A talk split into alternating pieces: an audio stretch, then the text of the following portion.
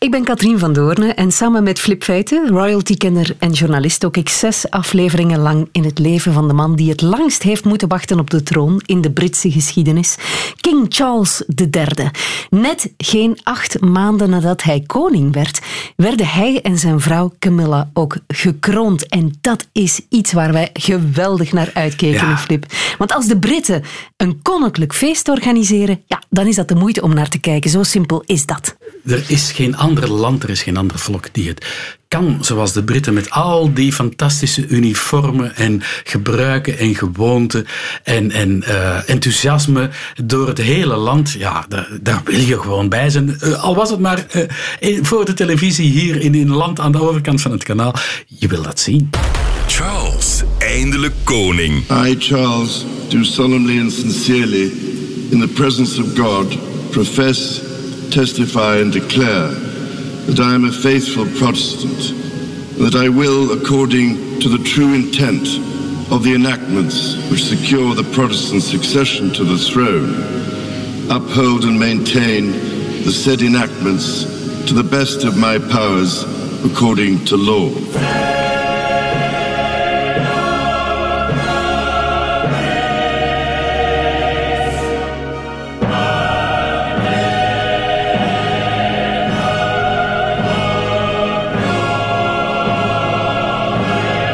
En opeens vroegen heel veel mensen zich af, wat doet de Champions League hier op de kroning van Charles III? Ja, dat is niet, niet verwonderlijk. Want eh, de, de componist van de Champions League hymne, die Tony Britton eh, heet die man, ja, die is dat gewoon gaan stelen bij eh, George Frederick Handel. En die heeft eh, de muziek geschreven die je net hoorde, eigenlijk. Ehm, dit lied is eh, een gezongen bijbeltekst, Zadok the Priest. Het gaat uit, uit het boek Koningen van eh, eh, de Bijbel. En het gaat over een hoge priester die de Bijbelse koning Salomo zalft de zoon van David. Dus een zalving van een koning. Hè? En dat verhaal is op muziek gezet in 1727 door Handel.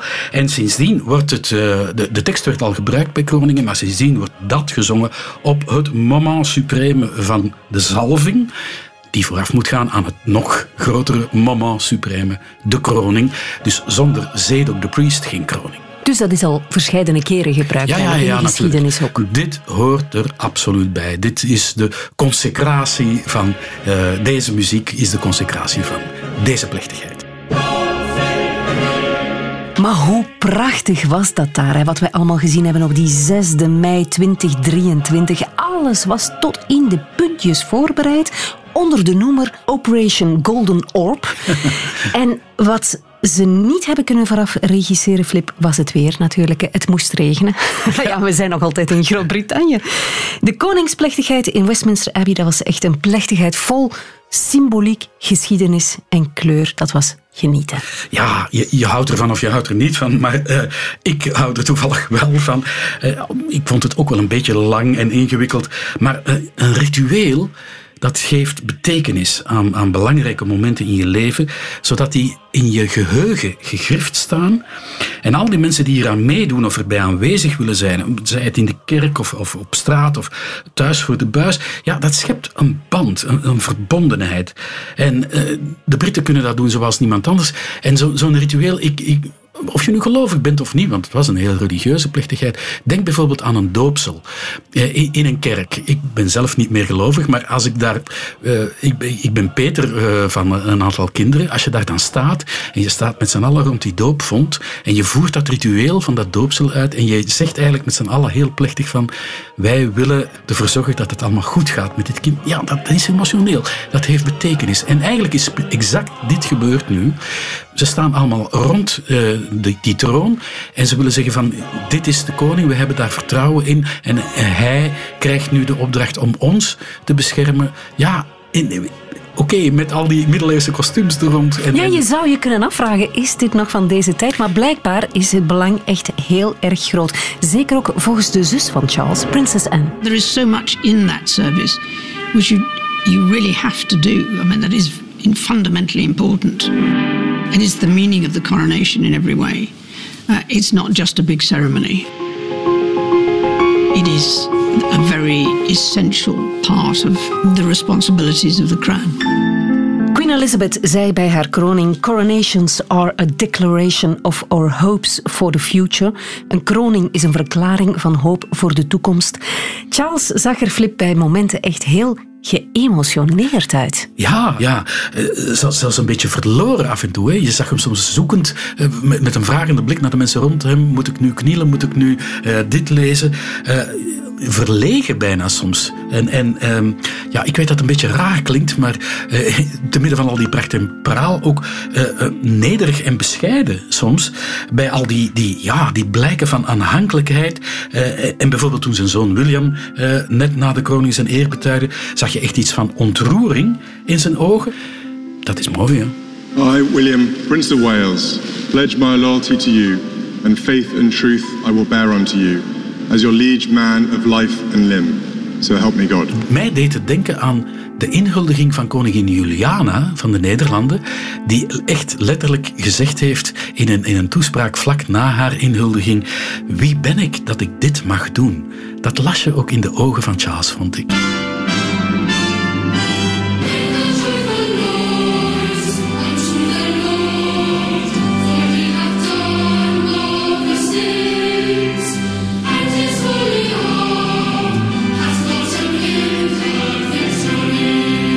Was ook een koningin en die werd ook gekroond, namelijk Queen Camilla. Het leek wel flip, maar ik kan verkeerd zijn. Het is een interpretatie. Misschien was het van de zenuwen. Maar één keer ze die kroon op haar hoofd had, dat ze zo een heel brede glimlach eh, ja, leek te onderdrukken. Zoiets van, eat your heart out. Al die haters. Ik zit hier wel en niet jullie. Als je weet welk onwaarschijnlijk parcours ze heeft afgelegd, van de meest verguisde en verketterde vrouw van het hele land, tot ja, de vrouw met zowat de hoogste protocolaire functie uh, van het land, ja, dan kan ik me voorstellen dat er ergens in je hoofd een stemmetje gezegd heeft wie laatst lacht, best lacht. Um, alleen is de vraag, zit die kroon wel comfortabel op haar hoofd. Hè? Want er zal nog wel uh, wat uh, ressentiment zijn over haar rol die ze gespeeld heeft. De geest van Diana zal ook wel rondgewaard hebben uh, in, die, in die kerk, in de Westminster Abbey.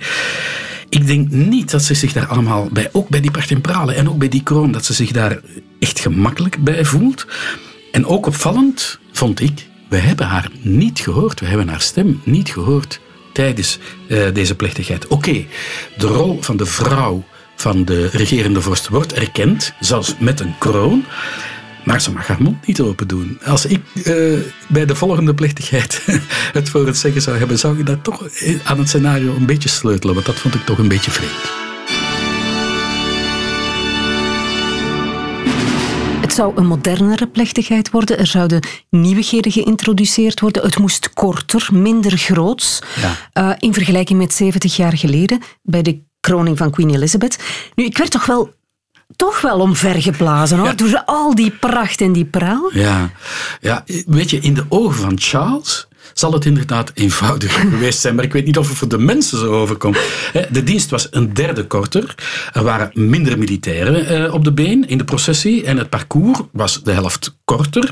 Er waren veel minder genodigden in de kerk. Uh, er waren veel minder uh, edelen en aristocraten in de kerk. En, die een rol speelden in de plechtigheid. Er waren ook minder koetsen. maar ja, je had natuurlijk nog altijd wel die gouden koets. die onschatbaar dure kroonjuwelen. Die opulente gewaden. Die plechtige muziek. Die ingewikkelde rituelen. Al die regalia. tien, tien ceremoniële voorwerpen die aan en afgedragen werden ik denk dat zelfs een paar koninklijke gasten daar toch met vreemde ogen naar gekeken hebben. Ja, ja want er waren wel degelijk grote verschillen hè, met uh, eh, 70 jaar geleden de kroning van Elizabeth. Ja, um, om, om te beginnen, uh, wat mij het meest opviel was, er is een, een gebed ingevoerd, wat helemaal niet het geval was bij eh, de kroning van Elisabeth. De, de koning zelf bidt een, een eigen geschreven, denk ik toch, gebed. En daarin vraagt hij de zegen voor mensen van alle gezinten en wereldbeschouwingen. Grant that I may be a blessing to all thy children of every faith and belief. That together we may discover the ways of gentleness and be led into the paths of peace. Through Jesus Christ our Lord. Amen. Dat is nieuw. dat is helemaal anders dan toen ging het puur om de Church of England. Want je weet, tijdens deze plechtigheid wordt uh, de koning ook Supreme Governor van de, de, kerk, de Church of England. En uh, ik kreeg de indruk dat we hier naar een multi-faith uh, plechtigheid zaten te, te, kijken. De, de alle mogelijke, wat was het allemaal?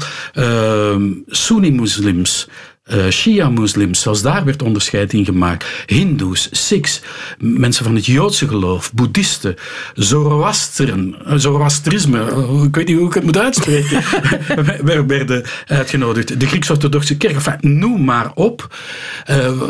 ook van verschillende origines. Niet alleen gingen ze mee in de stoet, ze waren echt betrokken in de hele plechtigheid tijdens de uitreiking van sommige kroonjuwelen. Op het eind uh, worden ze nog eens extra begroet. Dus dat is een accent dat totaal van deze tijd is, niet van de tijd van Elisabeth II. Gloeide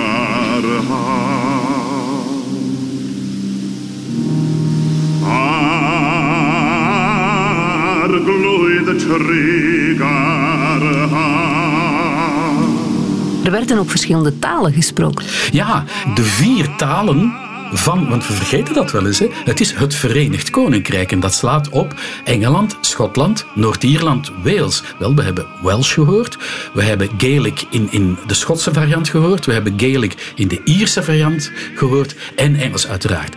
Maar uh, dus eh, gebeden werden uh, in die vier talen voorgelezen, uh, er werd in het Welsh gezongen ook. Ja, dat is, ook, ook dat was de vorige keer niet waar. Ik bedoel, het is echt de bedoeling om die verbonden tussen iedereen die nu de samenleving van het eh, Verenigd Koninkrijk uitmaakt uitdrukking te geven in die plechtigheid, dat is een accent van nu, van vandaag, van Charles. Ja, wat er ook opviel, Flip, was dat er ontzettend veel bloemen waren. Eigenlijk niet te verwonderen als je de uitnodiging had gezien. Hè? Die hing ook vol bloemen. Hè? Ja, maar ja, we weten dat deze koning een groene jongen is. En het waren allemaal, eh, pas op, geen gekweekte bloemen, maar veldbloemen. Ja, ja. Uh, wilde bloemen dus. En uh, bijvoorbeeld, achter in de kerk is het monument voor de Unknown Warrior, de onbekende soldaat zouden wij zeggen. Meestal uh, zijn daar poppies rond, hè? Dus, dus klaprozen, het symbool van de Eerste Wereldoorlog. Nu waren dat allemaal veldbloemen. En dat, is allemaal, eh, dat heeft allemaal een betekenis. Wist je dat, uh, nee, nee, nee, Ja, ja. Uh, rozemarijn en laurier die staan voor deugd. Boshyacinten en vergeetmenietjes voor duurzame liefde. Narcissen voor ridderlijkheid. Sleutelbloemen en seringen voor jeugdherinneringen. en lelietjes van Dalen en sleutelbloemen ook nog. die, die zijn gebruikt ook in het bruidsboeket van Camilla. En dus dat wordt dus ook nog een beetje in herinnering gebracht. Allemaal, enfin, het is allemaal symbolisch. Er is over nagedacht. Er is over nagedacht. Voilà. Dat is duidelijk.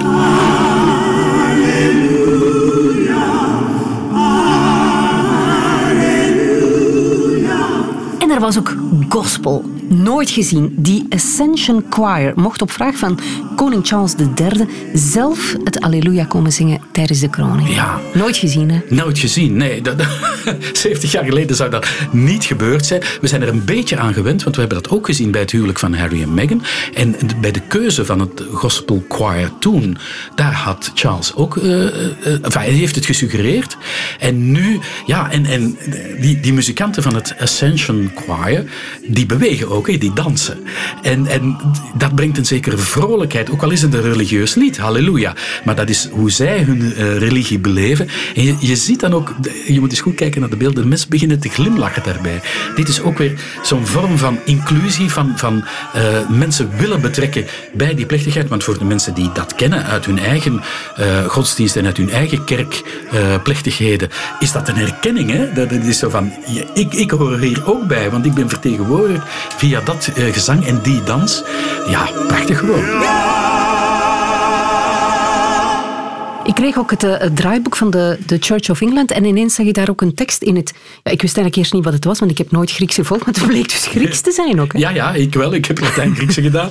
Uh, maar dat was dan weer een, een, een hommage, vreemd genoeg vind ik, hè, aan Prins Philip, aan uh, Charles' vader, die toch geen, geen koning was, die, die een, een prins consort was, waar de verhouding, dat hebben we in deze podcast wel verteld, niet altijd ideaal was tussen vader en zoon. En toch wilde hij hem bij deze plechtigheid ook eren. En daarom, want hij, hij was een Griek, hè? Ja, ja. Hij, hij behoorde tot het eh, Griekse koningshuis.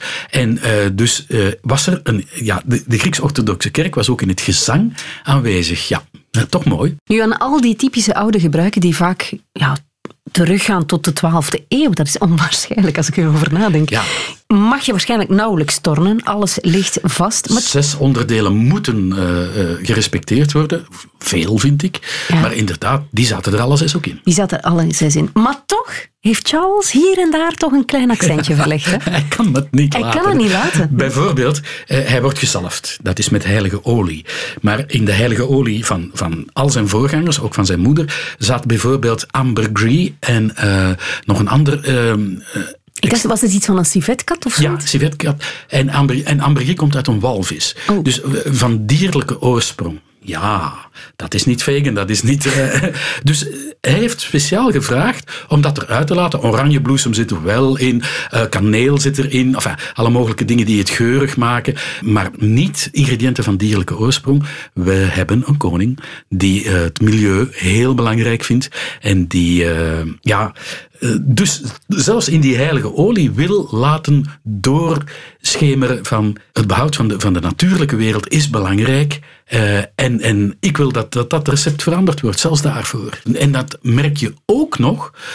Er worden mantels en, en, en ceremoniële gewaden gedragen.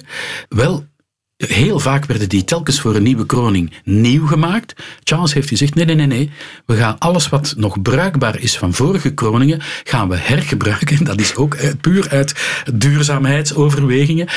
En dat maakte zelfs dat een van de gewaden, de Imperial Mantle, die gouden, die gouden cape zal ik het maar noemen, die, die eh, grote mantel, dat was degene die gebruikt is in 1821 bij de kroning Daar van George IV. Dus 200 jaar oud. Wel, die was nog bruikbaar. Die moest zelfs niet eh, erg gerestaureerd worden. Dus zei Charles, oké, die gebruiken we. We maken er geen nieuwe.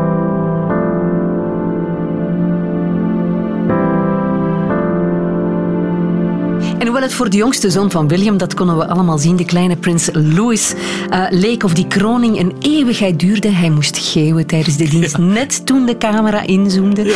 Had hij geluk dat hij eigenlijk niet aanwezig moest zijn bij de kroning van zijn overgrootmoeder, Queen Elizabeth? Hè? Ja, want die duurde nog een uur langer, dus drie uur.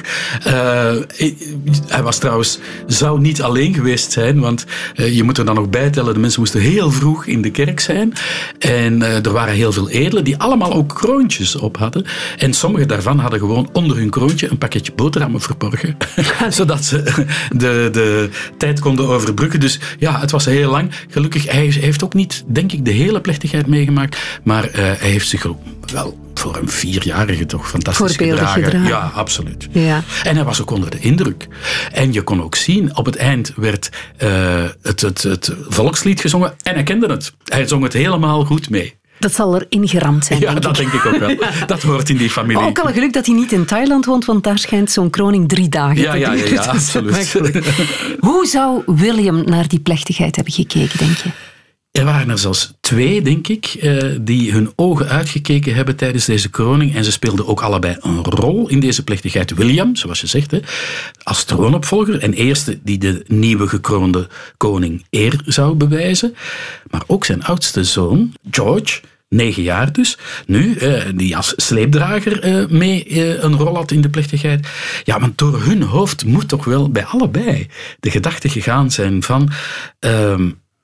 op een moment, we weten niet wanneer, sta ik op die plaats? Is het mijn rol wat nu met, met mijn vader of met mijn grootvader gebeurt? En ik denk dat William met name zijn ogen uitgekeken heeft en gedacht heeft van, hoe gaat dat hier allemaal? Wat werkt, wat werkt niet? Wat, wat, eh, eh, wat ja, hoe ga ik het zelf aanpakken? Wat kan en moet er in de toekomst misschien veranderen? En, en bij alle emotie, hè, ik denk dat ze ook wel nagedacht hebben van als we de monarchie, en dat neem ik aan dat ze willen, eh, verder willen laten bloeien. Hoe gaan we dat aanpakken? Is dit de goede manier? En, Ja, terwijl je het ondertussen zelf aan het uitvoeren bent, moet toch een heel speciale combinatie van gevo- gevoelens en gedachten geweest zijn.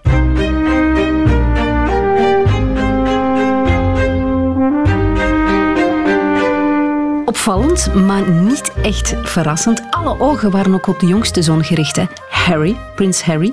Je zag die koppen werkelijk draaien toen hij breedlachend Westminster Abbey binnenkwam. En hij moest het stellen met een plekje op de derde rij naast de nichtjes Beatrice en uh, Eugenie. Ik en vond, hun dat dat nog, echtgenoot. ik vond dat dat nog meeviel, de derde rij. En Maar wel naast prins Andrew, die verwikkeld is Ja. nog altijd in een misbruiksschandaal natuurlijk. Ja. Dus de derde rij was goed voor hem. Wat zei dat eigenlijk? Ja, misschien vervult hij hier ongewild een rol die ook een voorafschaduwing van de toekomst eh, zou kunnen zijn. Zo van nog net genoeg respect hebben voor oude rituelen, maar je dan, eh, ja, er zoveel mogelijk van distancieren. Want hij, hij is al een halve Amerikaan, eh, dacht ik even, waar je dit soort uitzinnige symboliek ja, gewoon niet meer verkocht krijgt. Hè. En eh, meteen na de ceremonie is hij ook verdwenen.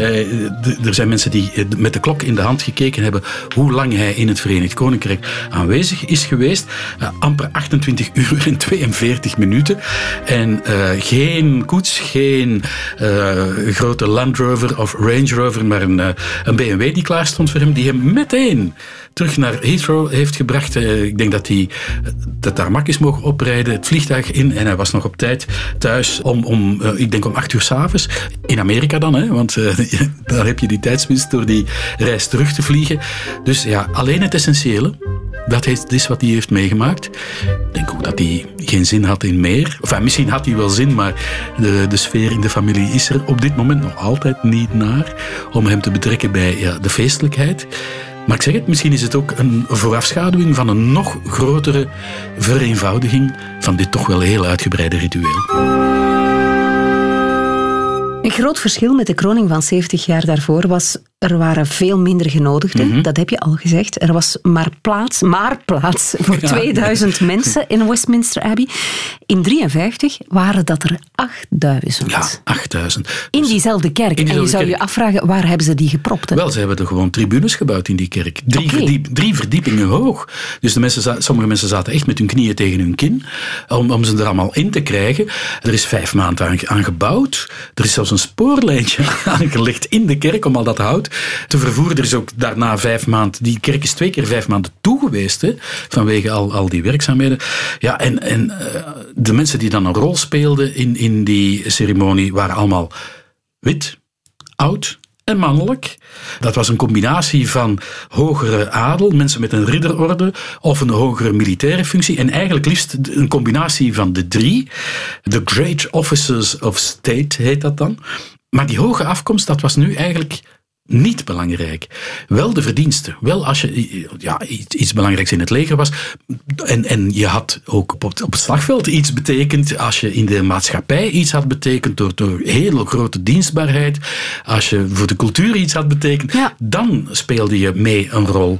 Eh, weliswaar had je dan ook vaak al een titel voor die verdiensten gekregen. Een, een, een onderscheiding of een ridderorde. Maar vorige keer bijvoorbeeld waren er meer dan duizend edellieden, kan je dat voorstellen? Duizend. En de, meeste, enfin, de mannen daarvan in kniebroek en zijden kousen en een, een, een hele grote rode mantel met sleep, waar je een page voor nodig had om die sleep te dragen. En allemaal met een kroontje ook. Dus honderden kroontjes. Dat zag je nu helemaal niet meer. Als de mensen al een ceremonieel gewaad droegen, dan was dat gewoon leden van het hogere huis, die van adel zijn. De, de meeste daarvan, die droegen de ceremoniële mantel die ze ook bij plechtigheden in het Hoger Huis dragen, maar die is veel bescheidener dan wat we 70 jaar geleden gezien hebben. Toen bij de, het eerbetoon bijvoorbeeld, hè, na de kroning, moest er echt eentje per categorie eer bewijzen aan de pasgekroonde koning. Dus en een hertog, en een markies, en een graaf, en een burggraaf, en een baron. Enfin, dat duurde eindeloos. Maar nu, het contrast kon niet groter zijn. Je had eerst de aartsbisschop, die moet dat doen, dan de prins van Wales, dat hebben we verteld. En dan niks meer. Geen, geen enkele adellijke figuur meer. Maar het volk. Het volk werd uitgenodigd.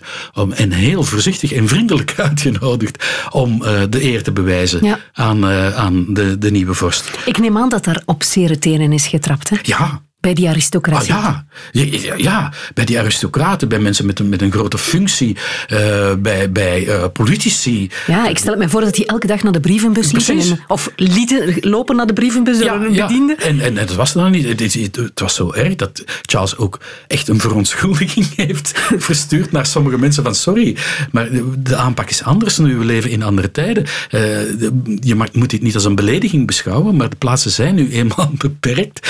Ja, dus dus een heel andere atmosfeer. En, en ook de helft van de, een kleine helft, 850 van die genodigden, waren gewone mensen. Die weliswaar alweer verdiensten, zich verdienstelijk hadden gemaakt. Maar ook bijvoorbeeld een jongen van 13 jaar, die drie jaar lang in een tentje in de tuin geslapen heeft in plaats van in zijn eigen bed. Gewoon omdat hij geld wilde inzamelen. 750.000 pond, niet niks. Voor een, een uh, tehuis voor palliatieve stervende patiënten. Omdat zijn buurman ook een, een, uh, een zware ziekte had waar hij aan overleden is.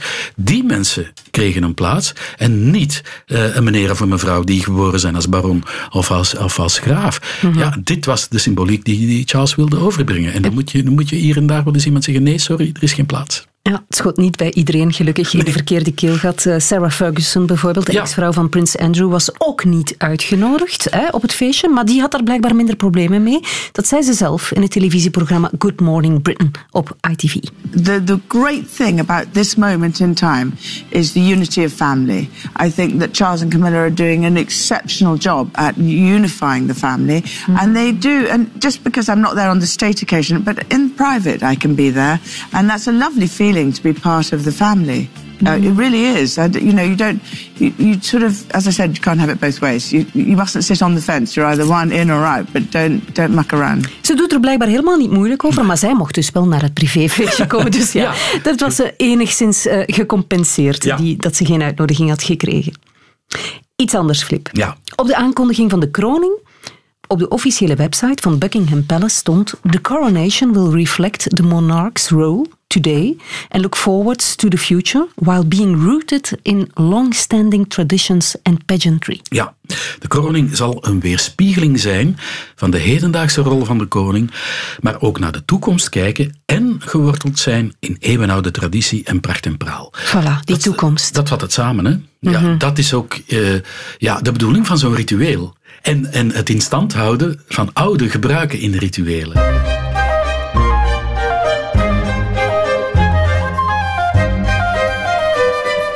Je maakt een verbinding tussen de traditie, het verleden. Je zit op het moment zelf, want nu wordt er iemand gekroond. Maar daaruit moet ook een beeld voor de toekomst spreken. Een, een hoopvol beeld van we willen wat we geleerd hebben, wat we nu zijn, willen we verder zetten en verbeteren eh, in de toekomst. Dat is waar het om gaat.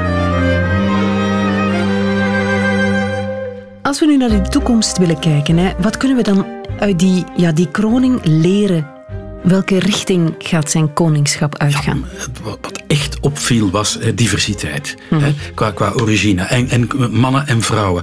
Dat zat echt overal. Hè? Bij de aanwezigen, bij de koren, bij de militaire detachementen. Bij degenen die een rol mochten vervullen in de plechtigheid. Bij de geestelijkheid, hè, waar ook ja, vrouwen ook. bij. Bij alle geloofsovertuigingen. Eh, kleur ook. Hè, bij al die categorieën die ik genoemd heb. En respect voor alle wereldbeschouwingen, alle overtuigingen. Zelfs voor anti-monarchisten Hè, want de, in de eed, toen, toen, het gewone volk dus werd uitgenodigd om die eed af te leggen, uh, werd er gezegd: I invite uh, you uh, and for those who wish. Hebben ze dat niet moeten rechtzetten? Ja, ja, ja, ja want er, er was een geestelijke in, in de oorspronkelijke versie, de liturgie die de kerk had geschreven, waren bewoordingen gebruikt die, die veel dwingender konden geïnterpreteerd worden. Zo van: we verwachten eigenlijk dat je dat doet. Nee, nee, dat is onmiddellijk gecorrigeerd.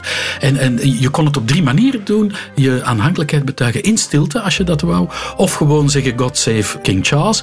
Of een hele formule. Dus die drie mogelijkheden werden ook aangeboden.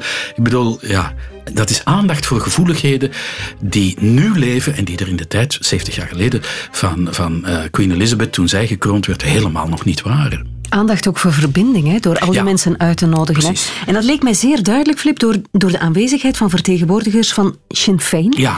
Hè, de nationalistische, linksgeoriënteerde politieke partij, die toch eigenlijk de politieke vleugel is van het IRA, hè, de terroristische beweging in Noord-Ierland. Ja, maar nota bene wel, want dat heb ik van jou geleerd, de beweging die zijn steun en toeverlaat Mountbatten heeft vermoord. Ja, ja, wel, hij stapt hier uh, in, in de schoenen van zijn moeder, die ook mensen de hand geschud heeft, bij wijze van verzoening. Die rechtstreeks hè, verantwoordelijk waren, die mee het bevel gegeven hebben, waarschijnlijk, om die bom te doen ontploffen in het bootje van Lord Mountbatten. Maar uit haar naam zijn er ook verschrikkelijke dingen gebeurd. De, de Britse troepen, waar de koningin, queen, opperbevelhebber van was, hebben ook verschrikkelijke dingen gedaan in Noord-Ierland. Oké, we zijn jaren verder. De Queen wilde dat uh, achter zich laten, heeft de hand geschud van Martin McGuinness. Uh, en nu doet Charles hetzelfde. Hij nodigt uh, Sinn Féin uit. En, wat nog veel straffer is, ze gaan erop in ook. Ja. Ze komen. Er zijn nog altijd parlementsleden uh, die, die verkozen zijn hè, in het Britse parlement uit Noord-Ierland. Die weigeren te komen, omdat ze niet willen bij het Verenigd Koninkrijk horen, maar bij de Republiek Ierland de aanhechting daarvan willen. Wel, deze uitnodiging werd aanvaard en de vertegenwoordiger van Sinn Féin, twee, waren er aanwezig gewoon. Dus ja, verzoening, verbinding, je kan het haast niet nadrukkelijker laten zien. The music fills the whole building as we wait.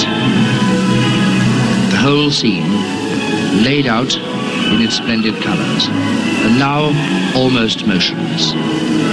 We watched it coming together, almost like a mosaic, fragment by fragment of color, from the time very early this morning when the abbey was almost empty. De kroning van Queen Elizabeth in 1953 werd voor het eerst uitgezonden op de televisie. Dat was ook de wens, dacht ik, van Prins Philip. Ja, Die wou dat, wou dat wel. Er was toen heel veel tegenstand. Want uh, televisie stond toen nog in zijn kinderschoenen. En, en uh, zo'n plechtigheid, zo'n religieuze plechtigheid, daar hoort zo'n ingetogenheid bij een gedrag dat je in een kerkgebouw hè, moet hebben. Ja, ineens dachten ze toen van, ja, maar gaat dat in die huiskamers en misschien in een pub waar de mensen met een pint in hun handen staan? Dat kan toch niet? Hè? Dat, dat, sluit niet aan bij het soort van ingetogen gedrag dat je moet tentoonspreiden bij zo'n plichtigheid. Oorspronkelijk dachten ze van, nee, nee, we gaan dat niet uitzenden. Dat kwam in de kranten, dat was een storm van protest tegen. En dan is er toch besloten om het uit te zenden, behalve één moment, dan moesten de camera's wegdraaien namelijk de zalving, dat dat een, een intiem moment is tussen vorst, de vorst en God. Maar Prins Philip was er eigenlijk een, een, moderne man, was er altijd voor, heeft dat een beetje stilletjes gehouden, maar uiteindelijk is het dan toch gebeurd. En heeft de Queen, want die heeft daar het, het laatste woord in gehad, gezegd van oké, okay, uh, het komt op televisie. En ja, nu is dat de meest normale zaak van de wereld. Hè. Ja. Niemand denkt daar nog bij na, dat moet op televisie. 27 miljoen hebben gekeken in het Verenigd Koninkrijk terwijl er maar 35 miljoen mensen waren. Dus sommige mensen ja, zijn gewoon voor het raam van een tv-winkel gaan staan. Waar die, je ziet, hè, er zijn foto's van, van groepen mensen die gewoon staan te kijken naar zo'n toestel. Want veel mensen hadden dat nog niet. Dat waren, of degenen die het hadden, dat was hun aller, aller, allereerste toestel. Gekocht om die kroning te zien. Gemiddeld waren er 17 mensen per toestel aan het kijken, heeft iemand berekend. Uh, ja, nu is dat toch wel wat minder hoor. Nu zijn ja, maar aan de andere kant, het is de eerste kroning die plaatsvindt in een technologisch helemaal andere wereld. Hè? Je, je kan zelfs op je gsm volgen als je, als je dat zou willen, of via sociale media. Ja, hè? ja. Enig idee hoeveel mensen dit hebben bekeken? Het is altijd heel moeilijk om dat te bepalen. Maar ik heb het cijfer gehoord van 20 miljoen kijkers in, uh, in het Verenigd... TV-kijkers dan. Hè? dan mm -hmm. Want hoe je bepaalt wie daar op sociale media naar gekeken heeft. Uh, naar allemaal op, op, je smartphone, op je iPad, op je... Op een scherm in Hyde Park? Oh, ja, precies. Uh, dat is heel moeilijk om te bepalen, denk ik. Maar dat is toch wel minder uh, 20 miljoen, want uh, in verhouding, de, de bevolking van het Verenigd Koninkrijk is ondertussen, denk ik, bijna verdubbeld sinds uh, 70 jaar geleden. Maar ja, je weet ook niet hoeveel mensen, is eventjes gekeken, vijf minuten, tien minuten. Iedereen heeft het gezien, dat denk ik wel. Je, kon er echt niet omheen, al was het maar dat je de volgende dag in de kranten foto's ziet. Uh, dus iedereen was er wel bij betrokken, maar wellicht toch op een andere en een minder vanzelfsprekende manier dan 70 jaar geleden.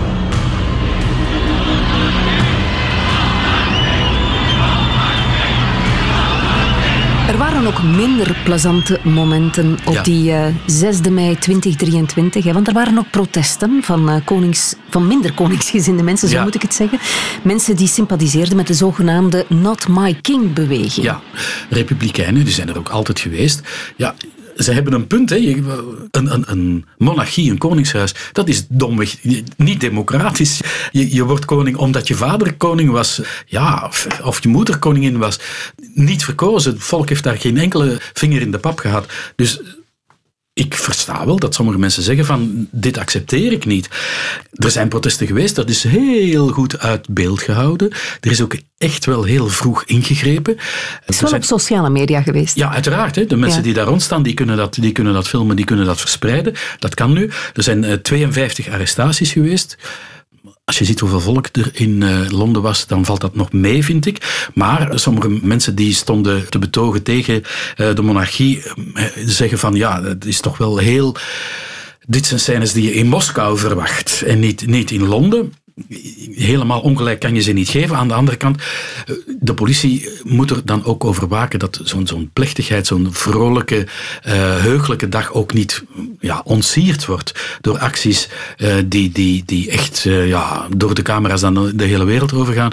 Dus dat is een moeilijke balans natuurlijk. De commandant van de politie, overigens ook een vrouw, we leven echt wel in andere tijden, die zei van kijk, we moeten een afweging maken en it depends on the context. Hè. Alles hangt af van de context. En ze zei, the coronation is a once in a generation event and that is a key consideration in our assessment. Hè. Een, een kroning, dat heb je maar eens in een generatie. En dat is een element in onze afweging. Zo'n plechtigheid, die zo zelden eh, voorkomt, ja, die, die, die laat je niet verstoren. Dat is, dat is een verschil met evenementen die, die eventueel jaarlijks voorkomen. Er zouden ook al excuses zijn geweest hè, van het politiekorps naar eh, Ja. de bevolking toe. Ja, en ja, maar ik begrijp dat ook wel. Je hebt onlangs protesten gehad. Niet eens van de Not My King beweging, maar van de Just Stop Oil beweging. Die zich met lijm aan de weg plakte of, of eh, aan, aan, aan, aan monumenten of aan voertuigen vastplakte. Ja, ik snap ook wel dat de politie zoiets had van oké, Dat liever niet. dat liever niet vandaag. Hè? Dus, Mhm. En dat ze dan misschien wat te vroeg ingegrepen hebben. Ja, enig begrip heb ik daar ook wel voor. Maar ik heb ook begrip voor de, de mensen die denken van... Ja, dit wordt overal uitgezonden. Dit is een moment waarop we onze... onze eh, eh, ja, de punten die voor ons ongelooflijk belangrijk zijn... wel onder de aandacht van een heel groot publiek kunnen, kunnen brengen. Maar ik moet er ook bij zeggen... er zijn alleen arrestaties in Londen geweest. In de rest van het land heeft de politie niet ingegrepen. Dus het ging echt wel om het, het vrijwaren van deze... Het eh, parcours eigenlijk. Ja, precies. Ja, plezant moet dat niet zijn. Hè. Als je al 74 jaar op een feest wacht, dan wil je niet dat dat verstoord wordt. Hè. Maar kijk, zoals steeds reageert de koninklijke familie stoïcijns, rationeel. Ik denk bijvoorbeeld aan prinses Anne. Haar reactie op deze Not My King protesten. Well, we don't, um, in many respects, need to deal with it. Not least of all because um, uh, it is the monarch that is the, the key to this, and the constitution um, that underpins the monarchy. We as a family see ourselves there as to support that role. What we do, we hope, contributes um, to the monarchy and the way in which it can convey continuity uh, of not just interest but of service, of understanding, uh, the way that people and communities um, want to live their lives. And I think so often we get the chance to see communities and, and the people who do things really well and are very generous with their time um, in a way that. If you look at the media, you tend not to get that impression. Be strong and show thy worth. Maar misschien wordt het allemaal een beetje veel voor de mensen. En misschien wordt die lijn tussen het koningschap en de politiek wat vaag voor de mensen. Hoewel het twee verschillende dingen zijn, volgens Vernon Bogdaner. Hij is professor bestuurskunde aan het King's College van Londen. The crown represents a unifying factor in Britain. It's that unifying factor which is very valuable for a country. Politics represents our various conflicts between left and right, Labour and Conservative, Brexit or Remain. But the monarchy represents something over and above that. Monarchie moet dus verbindend werken. Dat is eigenlijk wat hij zegt. Hè. Wat voor een koning wordt Charles III? Iemand die heel dicht bij hem staat en die hem al heel lang kent, die zou dat moeten weten. En dat is wat zijn zus Anne daarop te zeggen heeft. Well, you know what you're getting because he's been practicing for a bit. and I don't think he'll change. You know, he is committed to his, his own level of service. That will remain true. Hij gaat niet veranderen, Flip. Nee, nee, maar eh, het is toch wel. je- what you see is what you get, hè? Ja, dat is eigenlijk ook wat zij zegt. hè. Ja, ja, ja. En, en ja, die, die nuchterheid. Ik, ik hoor haar vader ook door, een beetje door wat ze zegt. Van, voilà, dit is de man die jullie koning wordt. Je kent hem. Hè? We, we, kennen allemaal onze Charles, zegt ze eigenlijk. En hij, ze geeft hem daardoor ook eigenlijk de vrijheid om het op zijn manier te doen. Ja. Zo is dat. Het Verenigd Koninkrijk krijgt duidelijk een andere vorst dan de voorgangers. Dat is ook wat Hugo Vickers, koninklijk historicus, over Charles zegt. The new king is a very thoughtful and very sensitive man. He, unlike his parents, who were much more straightforward in so much as that they just got on with the job and they didn't give a jot. He does mind about these things and he, he is a more introverted figure. So in that respect you get a, a, a, different type of person from his predecessors. We kennen hem ondertussen al een beetje, hè, Flip. Uh, zes afleveringen lang ondertussen. Uh, hij is niet van plan om de hele dag op zijn troon te zitten niksen. Hè. Hij heeft heel veel plannen, Charles, en we weten dat hij een harde werker is. Zo kreeg ik een getuigenis van Claudia Joseph. Zij is royalty-journaliste en schrijfster en zij zegt daar het volgende over. His day begins over breakfast when he listens to the news on the radio. Contrary to public perception, he doesn't have a boiled egg. He usually has fruit and seeds and a cup of tea. He'll then work all the way through until lunchtime. He doesn't have lunch, but he will go and stretch his legs outside and go for a walk because he needs to be in the in the countryside or outside in the environment. He will then work through till about five o'clock uh, when he'll have a cup of tea, often with the Queen Consort, with sandwiches and a piece of cake in a Tupperware container. The cake will then be put back into the container and for tea the next day. He doesn't like waste as his mother. He, he's very frugal by nature. Then he'll work through till dinner and instead of watching television or reading a book, he'll go back to his desk and, and work till well after midnight. Nu, hij mag dan wel een harde werker zijn. Een poll waarvan de resultaten begin mei 2023 werden uitgebracht. Dat was net voor de kroning. Mm -hmm. Zegt eigenlijk dat Charles en Camilla niet de populairste royals zijn, maar wel Kate en William, hun ja. opvolgers dus. Ik was daarvan geschrokken. En zelfs, zelfs de overleden Queen ja, is nog populair. Die staat daar nog voor. Ja, It's an uphill struggle. Uh, de man is geen onbeschreven blad. Heeft uh, met zijn uitgesproken meningen uh, mensen tegen de haren ingestreken. Heeft met zijn ingewikkelde liefdesleven ook wel hier en daar mensen voor het hoofd gestoten. Dus ja, er is werk aan de winkel. Maar koninklijk historicus Hugo Vickers wil het nog even de tijd geven om te zien hoe dat allemaal zal evolueren met die monarchie. The Queen was always consistently popular. I think it's too early really to say what people think about the new reign. Except that it did start very well because he, his address, I think, to the nation the night after the Queen died uh, was extremely effective and he really did speak like a king. So it was a very effective and very moving speech. Hoe dan ook, Flip, ik denk dat Charles, als zijn gezondheid het toelaat tenminste, een goede koning zal zijn. Met degene van zijn moeder en zijn grootmoeder gaat hij toch zeker nog twintig jaar mee. zo, zo moet dat gaan. Maar ja. je weet natuurlijk nooit. Maar gaat hij dit kunnen volhouden? Ja, dat is een, een, een goede vraag. Eh, Charles en Camilla zelf hebben gewoon een heel realistisch, een tienjarenplan uh, opgesteld. Uh, ze verwachten dat dat de, uh, de tijdspannen zal zijn waarin ze nog gezond zijn. En daarin moet het gebeuren. Alles wat belangrijk is en alles wat nodig is om de weg te bereiden voor William, moet in dat tienjarenplan uitgevoerd worden. Hopelijk. Hè. lukt, lukt hen dat, maar dat legt ook een beetje druk op hun schouders. Hè. Het is toch wel wat hoor. Uh, zo lang wachten, eindelijk die verantwoordelijkheid krijgen, maar dan ja, gevorderd zijn in jaren, dat weegt toch op de schouders, denk ik. Maar ze vormen blijkbaar een prima team, hè? Charles en Camilla. Mensen die heel dicht bij het paar staan, zoals bijvoorbeeld die, die voormalige butler van hen, Grant Harold. Die kan daarover meepraten en zegt dat die twee wel wat aflachen met elkaar. They're also the best of friends. They are a team. They work so well together. He's so good for her, she is so good for him. And when they get the giggles, God help you if you're next to them because that's the funniest thing, even to this day, that I've ever seen. I remember over the years being at different events, and before anyone else noticed, being a member of the staff, you would notice first. And then normally would, if he was having to go and disappear behind the screen or something to stop giggling, you know, because otherwise everyone starts laughing. So that, that's what's really nice about the two of them, that, that chemistry. Ik denk dat ze een evenwicht zullen moeten zoeken, dat ze gaan moeten ontstressen af en toe. En dat kan door te lezen en anders ja, zijn zinnen verzetten in de tuin. Nog zo'n passie van, van hen beiden. Van allebei, ja, ja, ja. ja. Ja, weet, je, je zit in die functie zo, in zo'n kleine bubbel van mensen die, eh, die ver- vertrouwd zijn en die je ook kan vertrouwen. Want anders wordt alles gelekt. Eh, je, je zag dat eigenlijk bij de Queen ook toen ja, alle, al de mensen van haar generatie overleden en zij maar bleef leven en uiteindelijk ook prins Philip overleed, was er eigenlijk nauwelijks nog iemand bij wie je je hart kan uitstorten. Hè? Bij wie je eens kan vloeken, bij wie je eens kan zuchten. Enfin, zuchten doet Charles nu wel.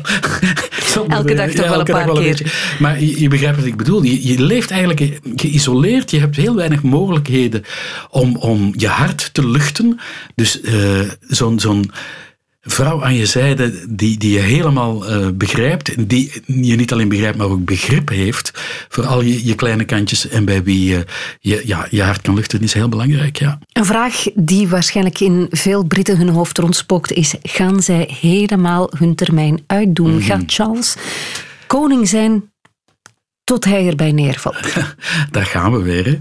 Eh, dat was ook de eh, speculatie bij de Queen, want die werd maar 90, 92, 93, 96. En eh, je krijgt dan altijd die vraag van, dit is toch krankzinnig. Ik bedoel, zelfs pausen die ook aan God een belofte hebben gedaan, treden af. Ik denk dat we met deze Charles. Ik heb het altijd over de Queen gezegd, ze gaat tot het gaatje, ze sterft in het harnas. Eh, ik denk dat we met Charles ook zo iemand hebben. En ehm, ja, de belofte is aan God gemaakt. Mocht hij eh, toch ja, de, de fysieke of de mentale capaciteiten niet meer hebben, dan denk ik dat hij wel in naam koning blijft, maar dat er een regentschap komt, regency. En de, regent is er. Hè. William zou dat perfect kunnen vervullen, bij wijze van voorbereiding op zijn koningschap. Dus als je mij laat gokken, denk ik dat hij het gaat doen zoals zijn moeder. Ik denk ook dat er bij Charles eh, in zijn hoofd meespeelt van ik wil niet te vroeg opgeven, want eh, mijn opvolger William heeft nu nog een jong gezin, heeft kinderen. En eh, één keer je koning bent, ja, dan is je agenda zo vol dat er heel weinig aandacht nog is voor die jonge kinderen. Voor die, eh, Er is niemand die dat zo goed weet als hij. Hè? precies, hij was vier jaar, drie jaar toen zijn moeder op de troon kwam. Ja, dat heeft hij geweten. Hè. Hij, moest een, als puber een afspraak met zijn moeder maken om een gesprek met haar te kunnen voeren. Dus misschien is dat ook een overweging om te zeggen: nee, nee, ik ga door, 74 jaar, 84 jaar, niks aan te doen. Eh, hier ben ik voor in de wieg gelegd, ik ga door. God save the king. God save King Charles. Long live King Charles. May the king live forever.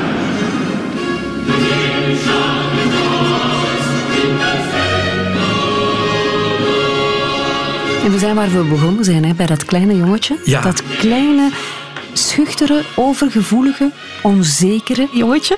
Ja. En die is nu koning. Ja, maar hij is het nog hoor, onzeker. Weet je, de koets waarmee hij naar Westminster Abbey ging, was te vroeg. Vijf minuten te vroeg. En ja, we leven in de tijd van de sociale media, dus iemand heeft dat gefilmd met zijn eh, smartphone en erop ingezoomd. En achter het glas van de koets kon je zien dat hij zat te vloeken. en dat hij zei van, eh, we never are on time. En, eh, en, en dat, ja, dat spreekt toch ook, daar spreekt zijn zenuwachtigheid. Je hebt hem ook met zijn vingers, ik weet niet of dat je gezien hebt, in het begin van de plechtigheid was hij aan het friemelen met zijn vingers. De, de, de, de, onzekerheid, de zenuwachtigheid van ga ik het wel goed doen, eh, is er nog altijd. Ja, de, de, de onzekerheid sprak ook af en toe uit, uit zijn ogen. Ik heb het in, in- in het begin gezegd. Dus, maar, maar, de situatie is nu toch wel anders dan eh, toen hij een kleine jongen was.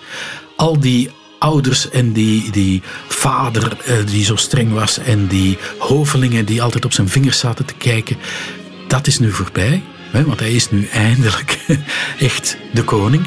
En hij heeft ook iemand die echt van hem houdt en die echt Naast hem staat. Naast hem staat, die, die zelfs, mag ik het zeggen, misschien meer de rol van zijn moeder vervult dan zijn eigen moeder. Dus ja, de omstandigheden zijn nu toch wel wat anders dan toen hij nog dat schuchtere, bange jongetje was. Maar de verantwoordelijkheid is groot en hij moet rare dingen combineren. Hè. Hij moet zichzelf relativeren en zichzelf belangrijk vinden. Hè? dat moet je in die functie. Hij moet daar een evenwicht tussen vinden. Hij moet voldoen aan de hoge verwachtingen die op hem afkomen. Hij, hij, moet de noden van het volk aanvoelen en bespreekbaar maken. Ja, hij moet de trots van het land en van het volk belichamen.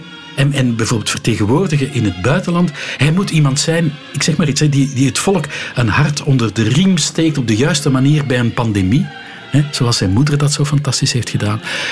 Dat moet hij ook allemaal waarmaken op de manier waarop het volk het verwacht. En uh, hij moet dat aanvoelen, die, die, die, die toon vinden. En dat is de, de rare rol die een monarch in een land als het Verenigd Koninkrijk heeft en ook nog daarbuiten. Hè. De realms, de veertien landen waar hij koning van is, de, de Commonwealth, waar het land uh, banden mee heeft. Dat is nu waar hij voor staat. Dat zijn de verwachtingen waaraan hij zal moeten voldoen als koning, als King Charles III.